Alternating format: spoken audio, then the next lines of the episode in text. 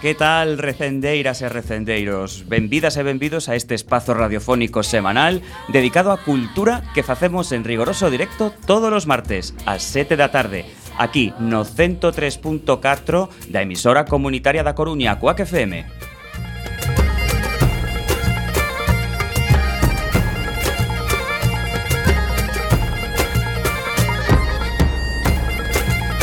A agrupación cultural Alexandre Bóveda presenta este programa que podes escoitar polas ondas radiofónicas ou a través da internet e tamén en directo na páxina emisora cuacfm.org. Se non chegaches a tempo, non tes excusa, compañeira. Podes descargar todos os programas xa emitidos tecleando cuacfm.org barra radioco e buscando o noso programa Recendo ou escoitalo na redifusión que será os mércores ás 8 da mañá, os venres ás 13 horas e na madrugada do domingo o luns ás 12 da noite. E a partir de agora, seguídenos nas redes sociais, tanto no Facebook como no Twitter, arroba recendo cuacfm, onde queremos formar unha comunidade recendeira. Tamén podedes visitar o Facebook da agrupación en a.c.alexandre.bóveda.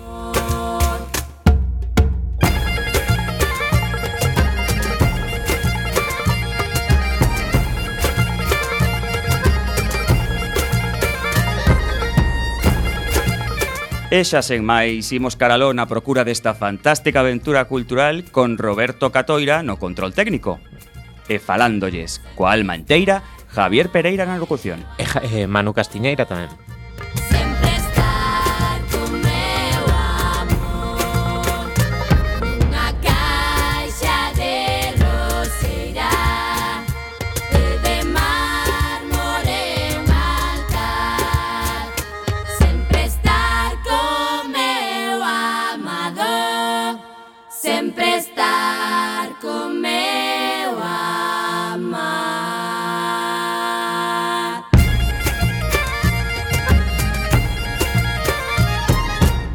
Programa número 231. O programa de hoxe é un especial variado, no que falaremos co artesá Concha Outeiriño, con Nico Campos, presidente da Asociación Galega de Guionistas, e coa bailarina Mónica García. Así que excepcionalmente non teremos ningunha sección. Falaremos das actividades da nosa agrupación e das outras cousas que se fan na Coruña e na Galiza e que tamén son cultura.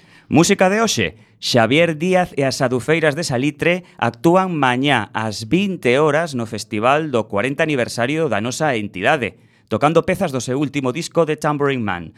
Non o perdades. Presentamos a primeira peza de hoxe, titulada Paso dobre de Veo. Anque me vou non me ausento. Anque me vou non me ausento. Anque me vou de palabra. Non me vou de pensamento. Marcho de quinto, miña nai chora. Miña morena, quedasme sola. E vai e dime a descarada. Cando ti veñas xa estou casada. Meu amor, meu amoriño Onde estás que non te vexo? Morro me soy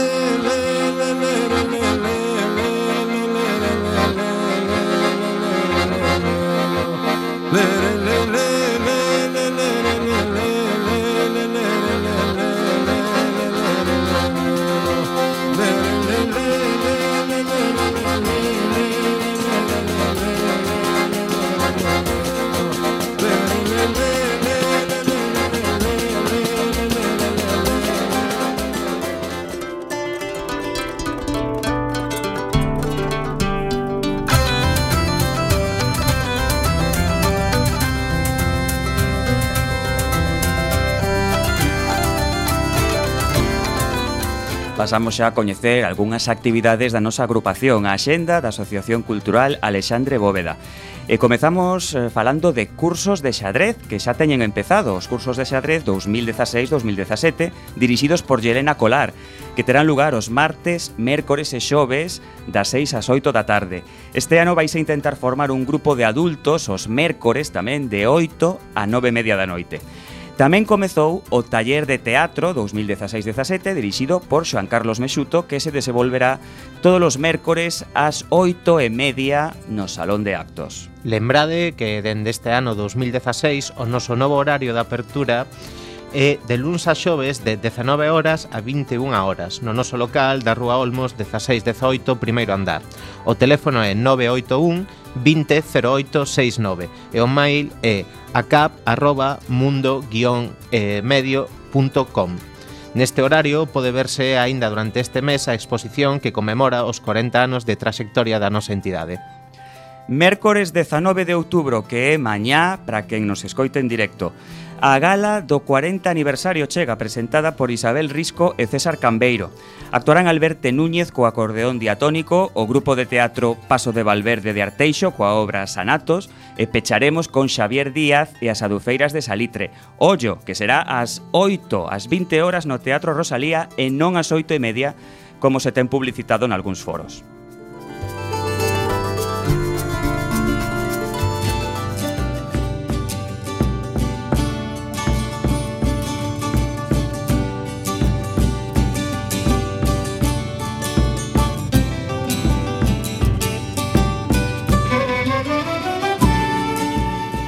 é o momento da xenda cultural da Coruña, Mañá, mércores 19, Go Quartet tomará o escenario do Jazz Fisjoa.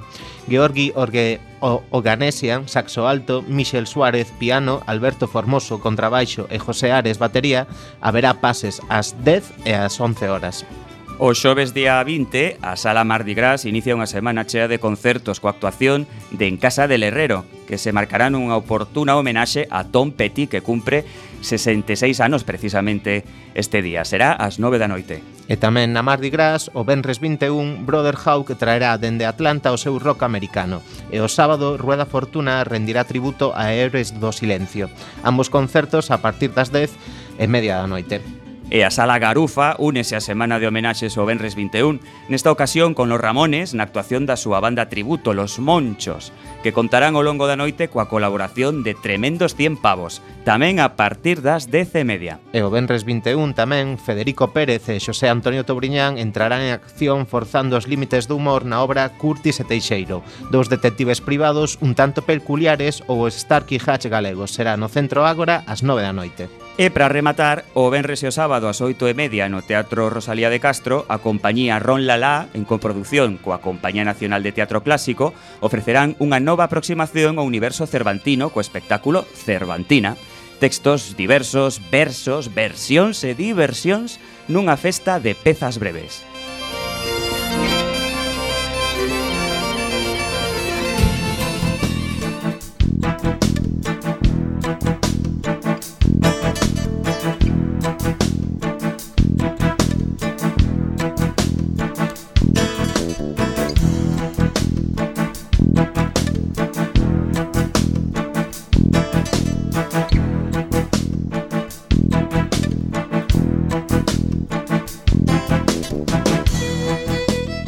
E a quenda da Xenda de Galiza, comezamos por Lugo, os rapeiros Denoma e Hardfighter presentan o seu proxecto conxunto La Vida Pirata, mediante unha xira que chega a Lugo este venres.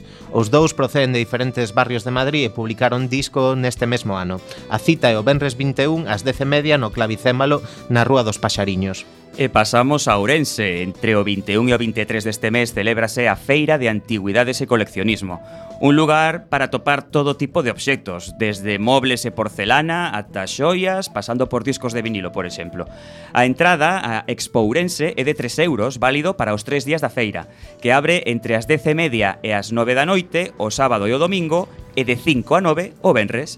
Pegamos un chimpo ata Pontevedra, o Pazo da Cultura, sito na Rúa Alexandre Bóveda, vai acoller a representación de Reina Juana coa coñecida Concha Velasco que se enfronta a un monólogo na pel de Xoana Atola. O oratorio é expresado nun momento no que a raíña sabe que vai morrer e fai unha confesión na cal repasa toda a súa vida. Será o sábado 22 ás 9 da noite. E agora saltamos a Santiago, O Womex ven sendo a feira profesional de músicas do mundo World Music máis importante do mundo para a UNESCO. Inclúe músicas folk, de raíz tradicional, étnica, alternativa e da diáspora. Entre os días 19 e 23 podese visitar. Van ser máis de 60 concertos repartidos por diversos lugares da vila entre o Casco Bello e a Cidade da Cultura, que se verán complementados con todo tipo de actividades culturais como proxeccións e conferencias.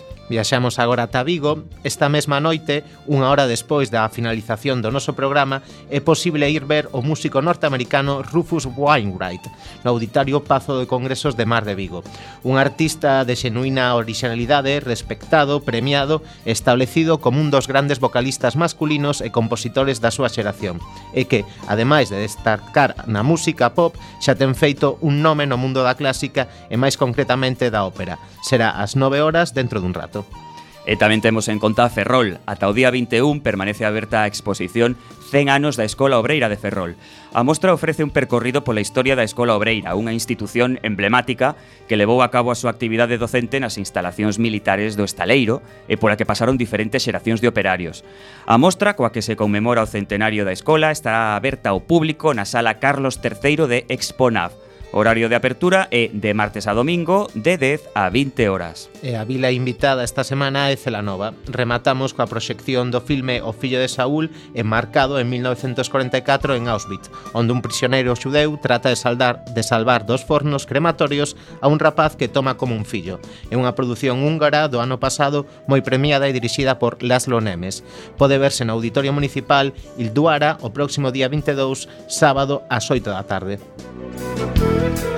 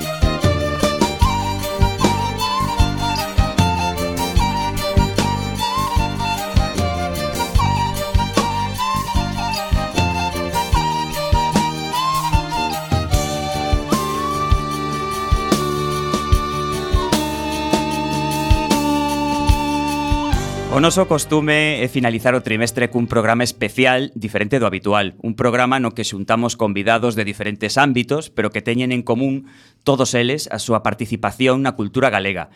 Este ano decidimos comezar a tempada de especiais polo final, cun programa que nos bautizamos como heteroxéneo. Por qué? porque a cultura galega é impredicível e recendo como altofalante deste fenómeno universal recolle atributos da cultura galega como nunha caste de simbiose. O recendo de hoxe visita o mundo da confección tradicional de tecidos da man de Outeiriño, tecido artesán. A continuación coñeceremos un pouco máis a procelosa existencia dos guionistas galegos gracias á Asociación Galega de Guionistas e, por último, achegarémonos a un aspecto da nosa cultura que en recendo temos injustamente un pouco esquecida. Falamos da danza feita na terra. Para tal cometido, contamos coa axuda da, da bailarina e coreógrafa Mónica García. Imos alou cun programa do que non podes perder ripio. Empezamos xa mesmo presentando a Outeiriño Tecido Artesán que votou a andar no ano 83 na cidade das Burgas coa vocación de manter viva a tradición artesá da confección textil en Galicia. A súa especialidade é o traballo do liño, co que elaboran desde panos, chales, camisas, bufandas, vestidos e mesmo farrapos de gaita. Outeiriño non só garante a elaboración tradicional dos seus produtos, tamén están comprometidos cunha elaboración respectuosa co entorno, desbotando o emprego de materiais perniciosos e contaminantes. Outra das labores de Outeiriño son os obradoiros para iniciarse ou perfeccionar a confección artesanal de tecidos.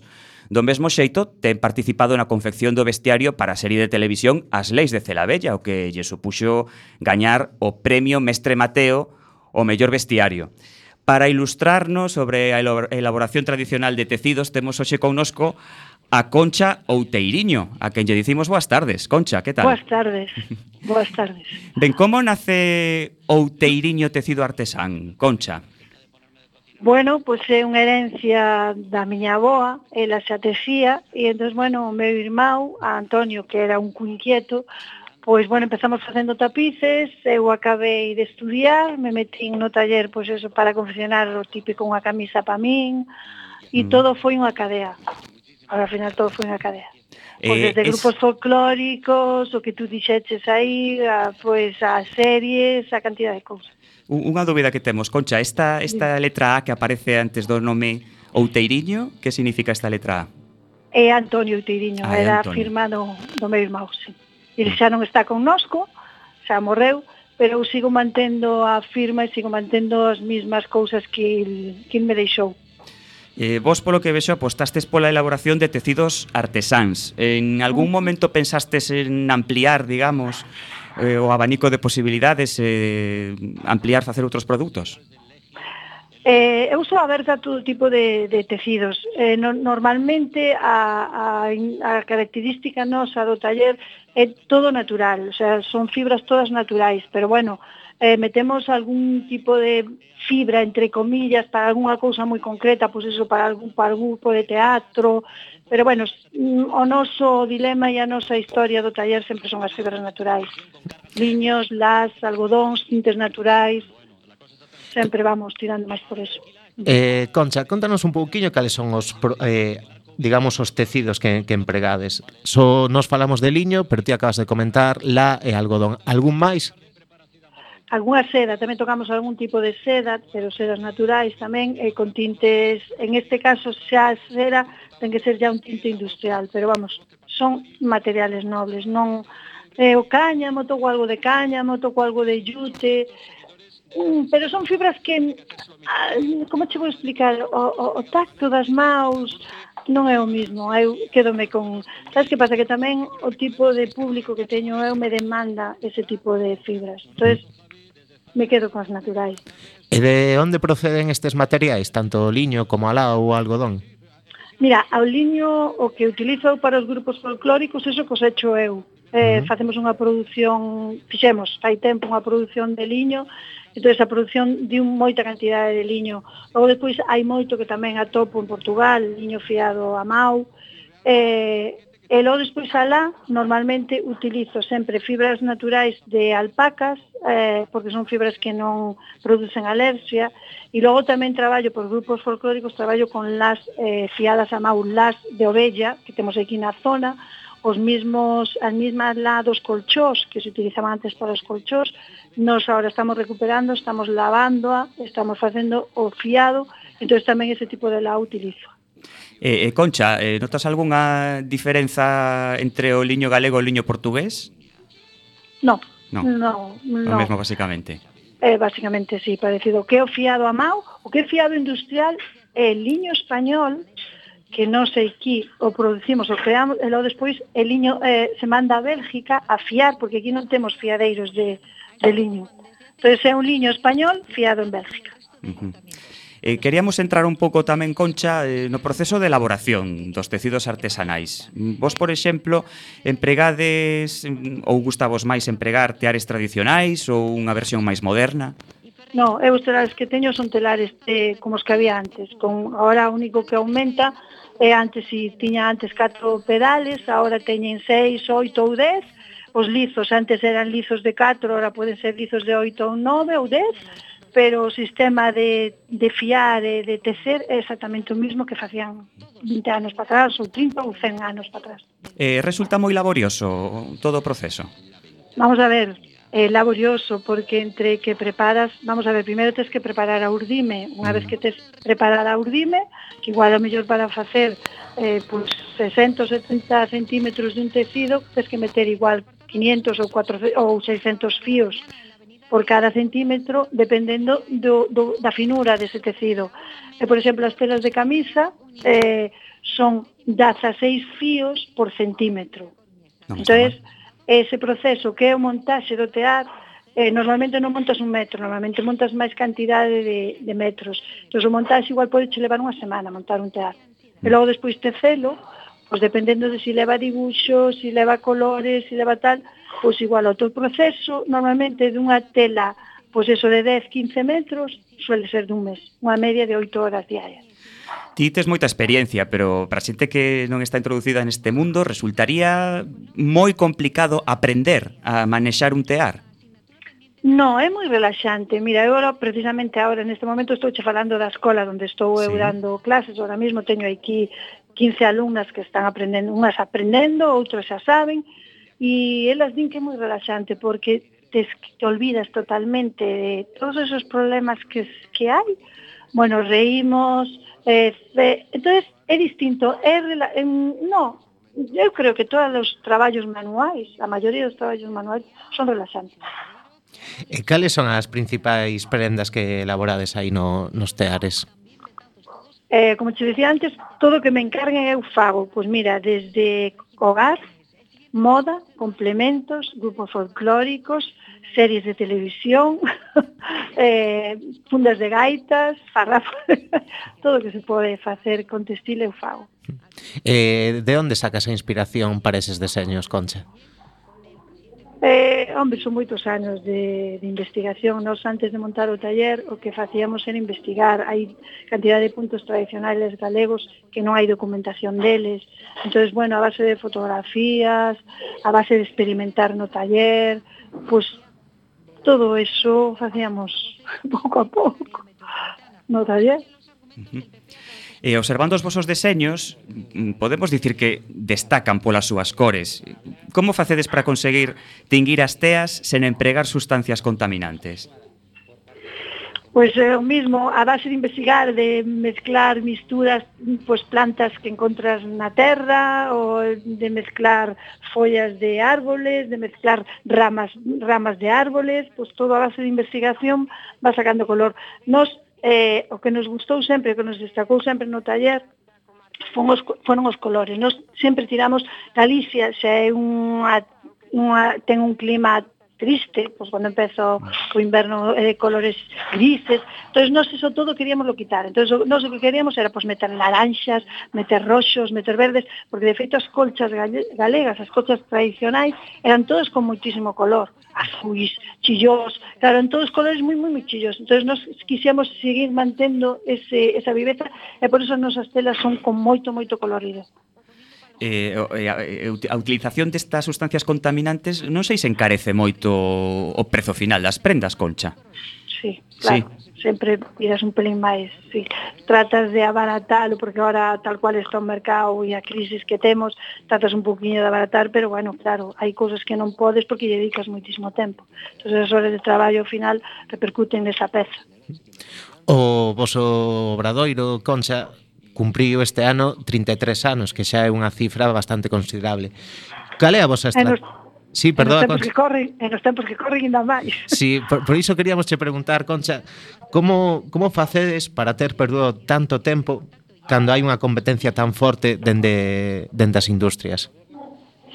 Porque eu creo que ainda hai público para este tipo de pezas, sabes? Ainda hai xente caprichosa que igual eh, pois eso que tú dis, unha colcha, unha sábana, ainda sin é máis máis lento o pedido, pero bueno, siguen che demandando eso. Entonces, bueno, e logo sabes que pasa que a mí tamén hace, me encanta dar clases, me encanta que isto non non quede, non morre, non, non morra no meu taller, que se siga aumentando. Entonces, eh, eh, é como se estuvera meten, metida en moitas cousas, non sabes? Entón, bueno, pues, igual, mira, ahora, por exemplo, estamos facendo, xemos un, un parte do, do vestuario para unha serie que se vai facer na televisión española que a galega, que é o final do camiño. Bueno, pues, eles viñeron ao taller e o típico, pues, mira, eh, queríamos facer unhas sábanas para esta tal, a cortiña. Entón, bueno, Eh, mentras siga viñéndome xente que me este demandando, bueno, logo a feiras tamén, feiras de venta directa, feiras profesionais, hai tiendas que che demandan, entón, bueno, hai moitos, como digo, hai moitos camiños abertos, entón, bueno, mentre esos camiños estén abertos non se vayan pechando e unhos abren outros, pois pues seguimos manténdonos aquí. Eh, dirías que é complicado vivir da artesanía agora mesmo en Galicia? Sí, É moi complicado, hai que, o que che digo, hai que facer moitos números para poder, e hai moi boa xente traballando, pero bueno, gracias tamén a, a Consellería, aos medios eh, que nos van abrindo un poquinho camiños, nos vai levando a outro tipo de feiras ás que non podemos asistir, porque agora antes era imposible asistir a Londres ou irse a Alemania, agora, bueno, con estas axudas que nos van dando, bueno, abrimos camiños máis, como máis fora de España, sabes? Mm -hmm. Sí, quería preguntar tamén a propósito diso, no? Eu imagino que no, no estranxeiro eh, este traballo que, que facedes mm, despertará moitísima curiosidade, non? Sí, no, gusta, gusta moito, eh, pero bueno, tamén se nota a crisis, eh, fora de, de, de aquí tamén se nota, se nota mogollón porque hai xente que lle gusta e tal, pero, pero tamén se conta para atrás hai moita máis, eu creo que, bueno, depende tamén dos países, hai un pouco máis de sensibilidade neste tipo de cosas, porque, bueno, ahora se está, o que tú me decías, o natural, eh, pois pues eso, comer máis sano, cantidad de cosas, entonces, bueno, ese tipo de cosas a xente tamén está demandando. Pois, pues, bueno, sí. é complicado, é complicado. E tedes eh, prevista vosa presenza en algunha feira próximamente? En este momento non, eh, estamos, estou preparando ahora a, a feira, bueno, a primeira feira que temos o ano que ven, sería a feira de equidade Artesanía de Ourense, e en principio non teño, logo estará, porque bueno, as feiras todas normalmente fanse no, no Brau, entón empezan desde a primavera, pois pues, a feira de Ourense, a feira da Coruña de Mostrar, eh, primavera en, en Madrid, e un pouco así. Non, nos no inverno que facemos é preparar para a produción do grau. Sí, bueno, tede, tedes ao longo do ano daquela varios, varias citas seguras, ¿no? O cal pues, é, é tranquilizador. Eh, eh, por último, Concha, eh, como podemos facer eh, para conseguir algún dos vosos produtos? Cales, cales serían os camiños para, para chegar a vosa obra? Pois pues mira, estamos eh, na rúa Carriarico, eh, número 23 en Ourense, e logo a través do Facebook en Auteiriño, ou logo a través da páxina web que tecidoartesan.com aí podedes encontrar produtos e bueno, e a través de te, número de teléfono Sí, sí, podelo dar sin problema é o 607-738646 no móvil e aí estou unas prácticamente as 24 horas. Perfecto. E estou aberta a toda la, a toda a xente que, pois pues eso, desde recuperar un, unha colcha a facer unha peza nova, Eh, nos ahora tamén, mira, ahora estamos no, fixemos o Museo do Traxe Tradicional aquí en Ourense, que o, abriu a Diputación de Ourense, e recuperamos a maioría dos traxes que están no museo, están todos recuperados a través de aquí da escola onde eu estou. Moi ben, pois eh, moitas grazas eh, por falar connosco, Concha, Concha Uteiriño, de Uteiriño Tecido Artesán, eh, e boa sorte. Quedamos moitas encantados gracias. coas informacións que nos acabades de dar. Graciñas. Moi ben, moitísimas gracias a vos. Chao. Nos imos facer a nosa primeira pausa musical de hoxe. Imos escoitar outro tema de Xavier Díaz e as adufeiras de Salitre Neste caso, a Xota de Lira.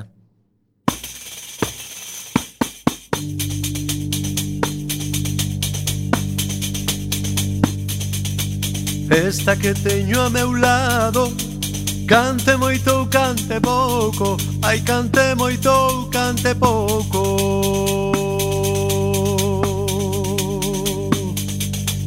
Esta que teño a meu lado Canta moi ben arreglado Ai, canta moi ben arreglado. Ali vai a que canta rejalando coa súa garganta. Bota flores, bota flores, todos queren ser os seus amores.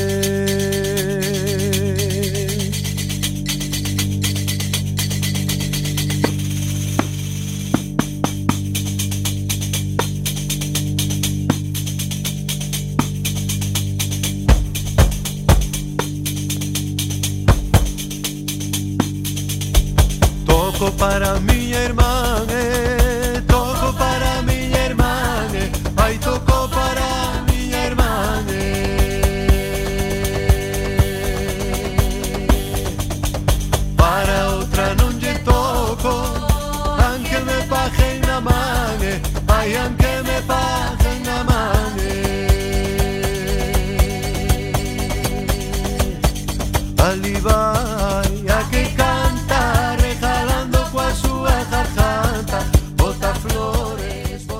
A Asociación Galega de Guionistas, ou AGAC, leva traballando pola defensa dos intereses dos guionistas galegos dende o ano 1997. Non se trata só da defensa dos seus obxectivos comuns, senón tamén da difusión do traballo dos seus socios, así como asesoramento e formación para os profesionais que conforman este colectivo. En, en definitiva, como eles mesmos afirman, trátase dun firme compromiso por posibilitar que o traballo dos guionistas galegos estea claramente inserido no seo da cultura propia de Galicia. Froito deste esforzo xorden actividades tan interesantes como a que se celebrará o próximo sábado unha clase magistral sobre ficción a cargo de Javier Olivares, un dos creadores da aclamada serie El Ministerio del Tiempo. Para falarnos máis sobre a complicada profesión do guionista en Galicia, temos connosco a Nico Campos, presidente da Asociación Galega de Guionistas. Moi boas tardes, Nico. Boas, que tal? Como vai todo? Vai moi ben, sobre todo hoxe que temos aquí un programa espectacular. Se che ah. parece, Nico, comezamos uh -huh. coa primeira pregunta? Claro, como non. Que motivou a creación da asociación hai case 20 anos? Pois a verdade é que non teño nin idea, eu daquela tiña 17 anos, ou seja, pois supoño que sí que un grupo de xente que agora mesmo non sei cantos eh, tales e eh, cantos eran, sí que home estaba por aí, por exemplo, Xosé Enrique Rebadulla Corcón, que, que foi presidente moitos anos nosos, moitos anos da, da existencia da GAC, sí que, home, querían un grupo de xente para para poder loitar un pouco máis pola dignificación desta profesión, non que non está todavía moi visibilizada. E agora mesmo, xa falamos dun, dun, dunha época na que ti vives, e tamén vivimos nós, uh -huh. como non, cantos socios contades agora mesmo? Pois agora mesmo creo que estamos en 95, non, 96, perdón, susto acaba de apuntarse unha onte. Eh, 96 socios, a verdade que non está mal, cando collimos nos a directiva estábamos entre 95 máis ou menos, eh, bueno, ainda houbo baixas, houbo altas, estamos aí preto dos 100 e ainda non chegamos a superalo. Eh, tedes algunha idea de cantos profesionais están a traballar agora mesmo en Galicia, aínda que non estean asociados con Bosco? Pois é unha cousa moi complicada eso de saber, porque hai dende... Hai, o sea, guionistas de series sí que se podería saber, que non os hai, perdóname, mm. pero logo, eh, claro, xente que traballa en programas de televisión, como a min, por exemplo, logo os que escriben curtas eh, e longa metraxes e documentais, que esos, claro, a, a xente traballa moitas veces no vacío, eh, aínda que non se, non se debería facer, pero a xente traballa cos seus proxectos no caixón a ver a, agardando a poder vendelos, non? Eso, claro, non teño nin idea, é, in, é in, inmensurable, non? Eso. Uh -huh. ¿Mm? Eh, Nico, eh, cales sí. son os requisitos para ser socio de AGAG? bueno, basicamente ter algunha obra eh, eh, publicada ou estreada en algún sitio, xa sexa algún festival un pouco de renome ou ou in, ou emitida por televisión e ser e aparecer nos créditos, basicamente. Ter algo de experiencia. Somos unha asociación profesional, entón, bueno, a, ao mínimo é que a xente teña algún traballo de, xe, feito de maneira eh, profesional, non? Sí, un mínimo de experiencia. E claro. que nos podes que nos podes contar sobre as condicións de traballo, digamos, dun guionista medio en Galicia? Pues, Dentro da variedade que sabemos que que hai de pois. guionistas, pero bueno, que nos podes eh, contar? Temos curiosidade por pues, saber estas como poden ser as pois pues condicións mira, xusto, que atoparíamos. Ah, para que te fagas unha idea, xusto fai ano e medio, ano e dez meses, por fin se conseguiu entrar, entrar como categoría propia en, en dentro dun convenio colectivo a nivel estatal. O sea, eso conseguiu o anterior presidente, Carlos Ares, de Zopilote, que xunto coa Federación de Asociacións de Guionistas de España eh, conseguiron a, por fin ter a, o convenio colectivo, que tampouco son unhas cousas salvaxes, pero que non tiñamos un salario mínimo. Mm. Ou sexa, hai xente que pode traballar por menos do salario mínimo interprofesional e outros eh, pois por moito máis tamén depende da produtora para que traballen, tal, é que non hai unhas tablas de baremación, se queres o que te podo sacar o convenio colectivo, pero é un pouco farragoso para facelo por entrevista de radio, non sei. Isto sería común a toda España, non? Sen distinguir moito Galicia do que o resto de España. Ese convenio colectivo, sí, é un, é un, nivel, é un convenio a, a nivel estatal feito en Madrid, tal con colaboración de, de Comisión Sobreiras, do GT, de ALMA, a outra asociación de guionistas que, que existen, bueno, que é de Madrid, e bueno, e faga que a Federación de Asociacións de Guionistas, non?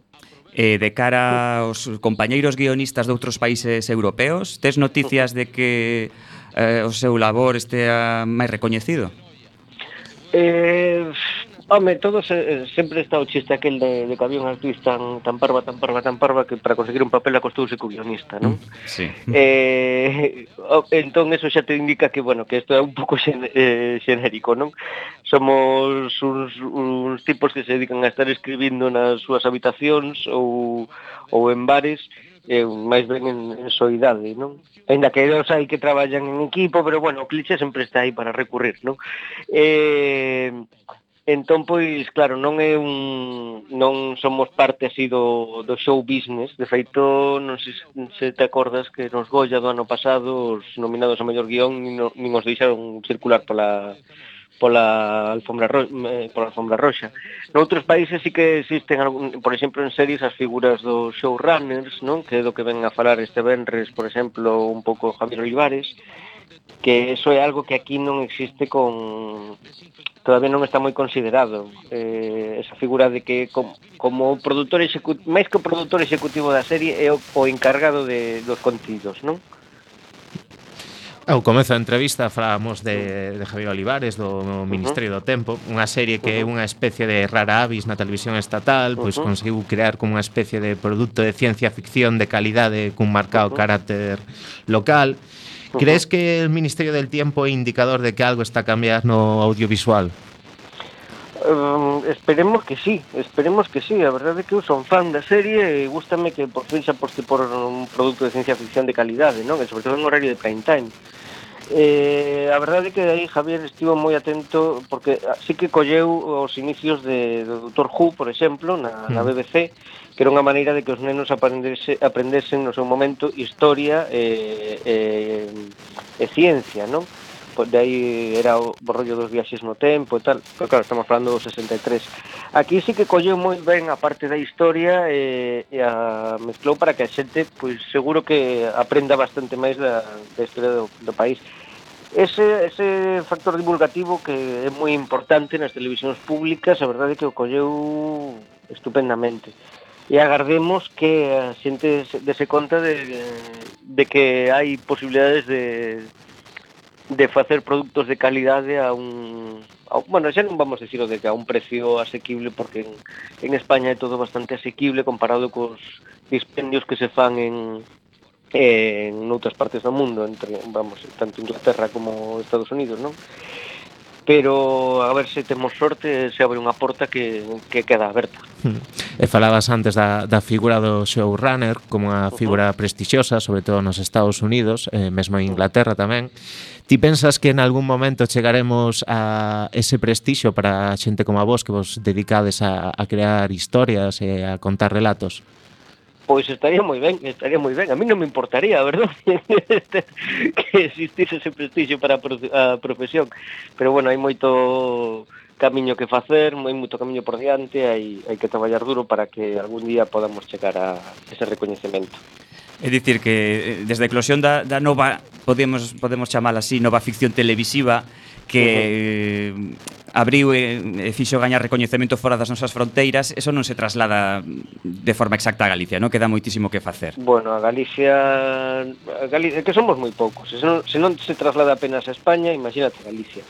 Eh, sí que hai moi bons guionistas e tal, pero seguro que seguro que a gran maior parte da xente non coñece a, a máis de de dous ou tres, eh, se te digo, por exemplo, que Alberto Guntín é un dos creadores de Serra Moura, coñecen Serra Moura, pero a Alberto sí que é unha persoa encantadora, por certo, se me está saudando un, unha aperta, seguro que non o coñecen tanto, non? Eh, daquela, eh, Nico, como colectivo, cales serían os pasos que hai que dar para fortalecer ese tecido productivo do audiovisual galego? Por onde Vamos, tirar? Sí. Home, se soupese perfectamente xa estaría tentando.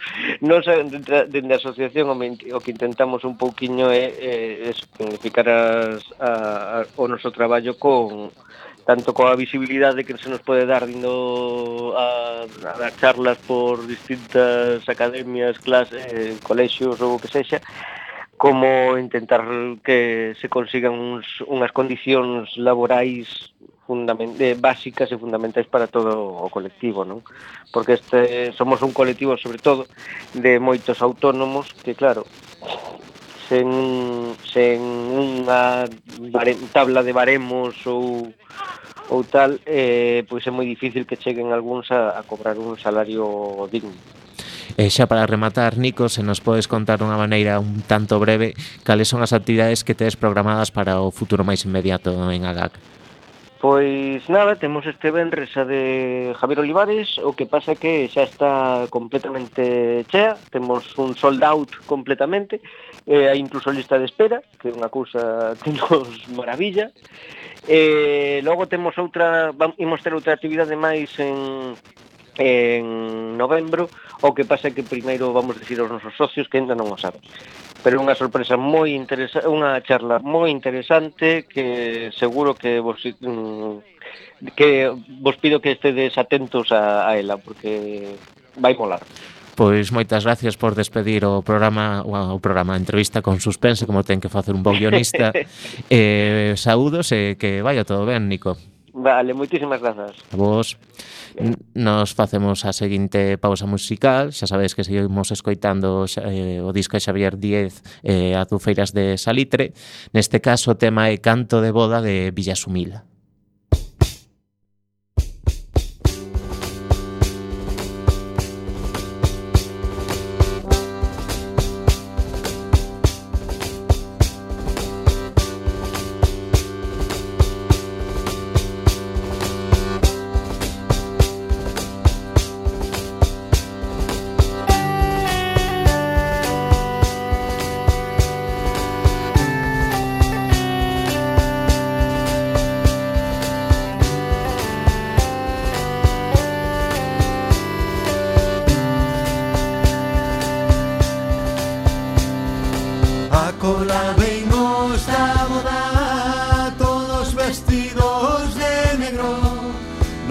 nuestra señora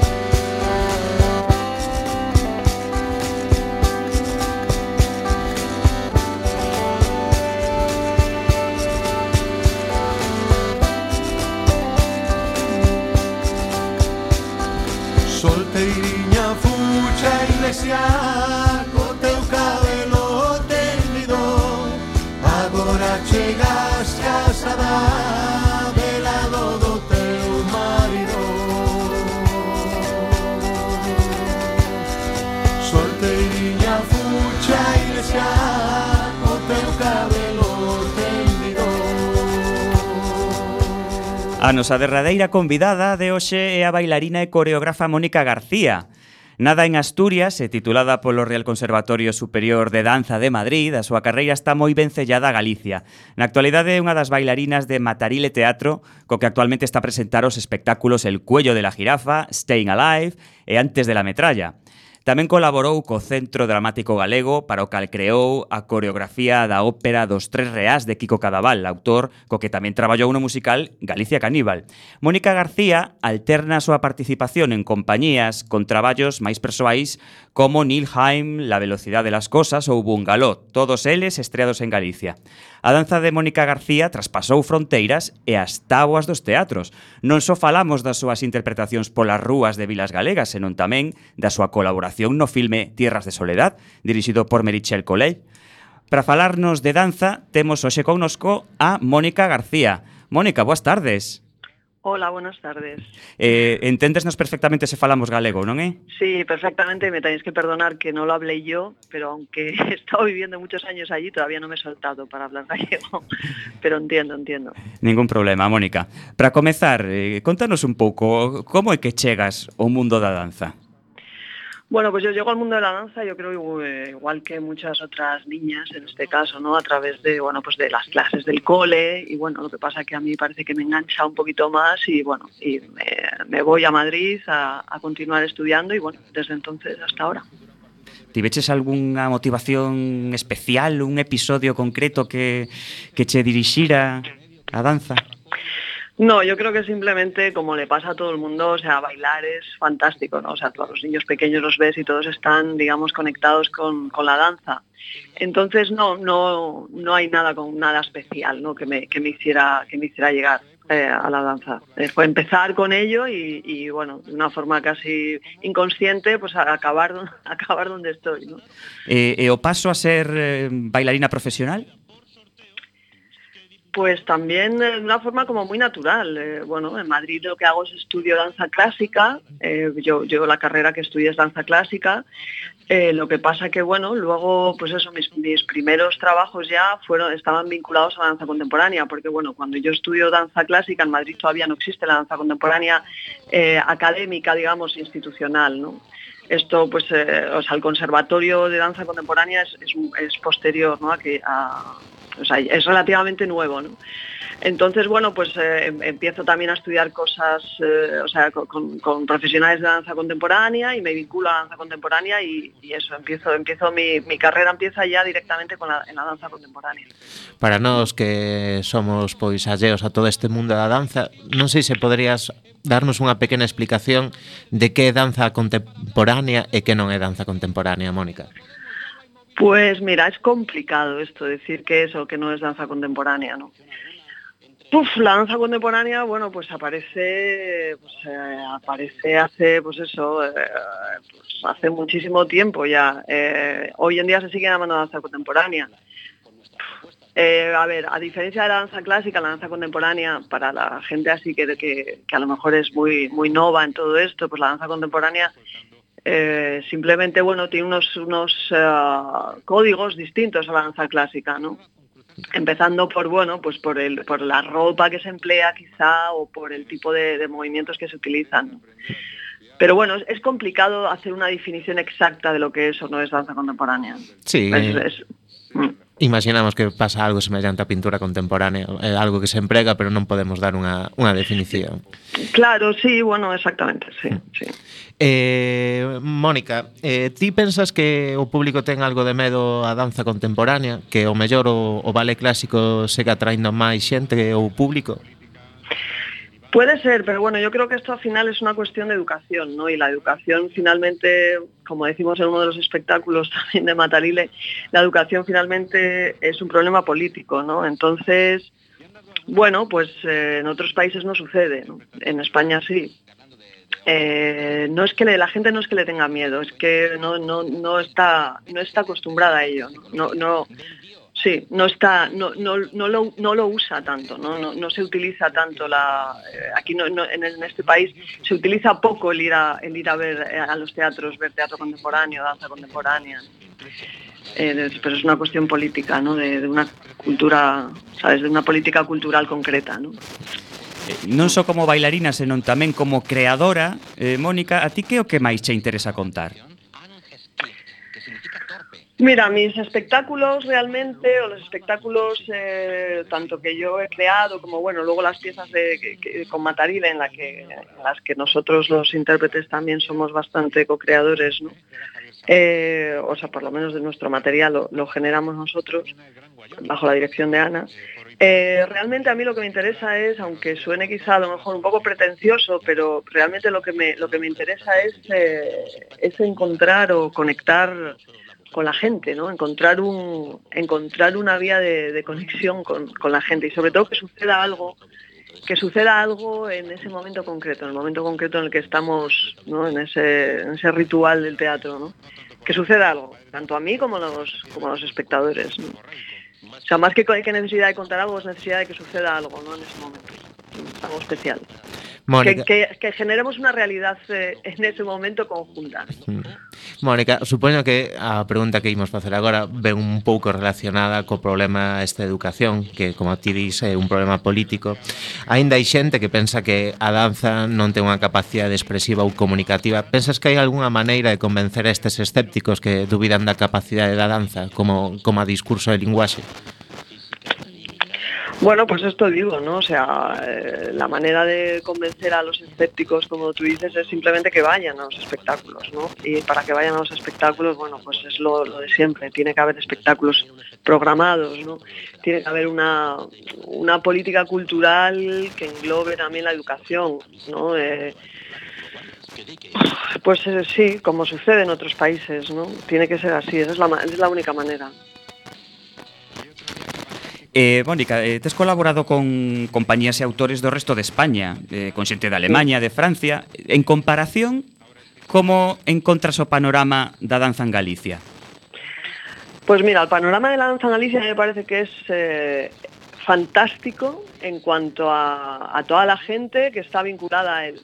O sea, en, en Galicia yo soy asturiana, ¿no? Pero sí que eso, que estoy vinculada de alguna manera a Galicia a nivel profesional y he conocido un poco lo que es todo el panorama de, la danza allí, ¿no? Toda la gente que está ahí haciendo cosas y la calidad es extraordinaria, eh, sinceramente. Eh, pero bueno, una vez más es eso, es, ver, las instituciones siempre van un poco por detrás, por, por detrás de lo que sucede, ¿no? Entonces, pienso que en Galicia lo que hace falta, igual que en otros sitios en España, es que las instituciones estén, eh, mu- digamos, mucho más eh, eh, atentas de lo que está sucediendo y de las necesidades reales. De, la gente que se dedica y que nos dedicamos a la danza y de lo que está reclamando el público también. O sea, las instituciones lo que sucede es que van siempre un poco por detrás de todo. Eh, y en este caso, bueno, pues es- en en el caso de la danza, que siempre es como eh, la más desfavorecida o una de las más desfavorecidas de las artes, pues, pues más, ¿no? Pero en Galicia, o sea, lo que es a nivel artístico y a nivel, eh, eh el nivel es, es moi potente, es moi potente. Resulta, resulta che máis eh, satisfactorio o feito da creación, crear unha, unha coreografía ou, ou disfrutas pois combinando creación con, con participar nun espectáculo como bailarina? Pues para mí las dos cosas tienen bastante que ver, porque como te decía, eh, pues eh, yo ahora mismo como intérprete trabajo con Matarile, teatro, y realmente, bueno, pues eh, el- el- o sea, somos, eh, somos nosotros los intérpretes también somos, somos creadores del propio material ¿no? que, que- ofrecemos o que presentamos, ¿no? Entonces, eh, las dos cosas, las dos cosas. Me gusta mucho trabajar con Matarile, llevo muchos años trabajando con ellos, por- me, me gusta mucho trabajar con ellos por, por diversos motivos, ¿no? Me gusta mucho estar en compañía también, ¿no? O sea, estar rodeada de gente. El trabajo en solitario es, más, duro, es, más duro, ¿no? Las veces que... Pero me gusta, sí, me gusta, pues eso, combinar. Pero bueno, ahora mismo estoy trabajando con Matarile otra vez y después de los tres años de ausencia que tuvieron y estoy encantada. Nos tamén quedamos encantados con esta conversa, Mónica, pero desgraciadamente quedamos en tempo. Eh, nos queremos mandarche un saúdo moi forte dende Galicia e, e moitas gracias por falar con nos, Coxe. A vosotros. Hasta luego. Hasta luego, Mónica. E rematamos, sen tempo para máis o deseásemos chegando a fin do camiño deste recendo de hoxe. Despedimos o programa agradecendo os nosos convidados, que como sempre son de honra, Concha Uteiriño, Nico Campos e Mónica García. E agradecendo a semente pedra angular de todo o noso comando e equipo de produción formado por Javier Pereira, Antonio Brea, Manu Castiñeira e Roberto Catoira. E aquí estivemos Roberto Catoira nos controis e coalento nos micrófonos Manu Castiñeira e tamén, como non, Javier Pereira. acompañándote neste recendo de palabras e de imaxes radiofónicas que nos traen este aroma cantado na nosa lingua e que nos permite hoxe e tamén no futuro a permanencia da palabra, da música e da implicación e o compromiso coa nosa nación, a Galiza. Até o vindeiro martes, ás 7 da tarde, en directo nesta emisora coa que FM da Coruña. Xa sabe de recendo as mil primaveras que terá o noso idioma.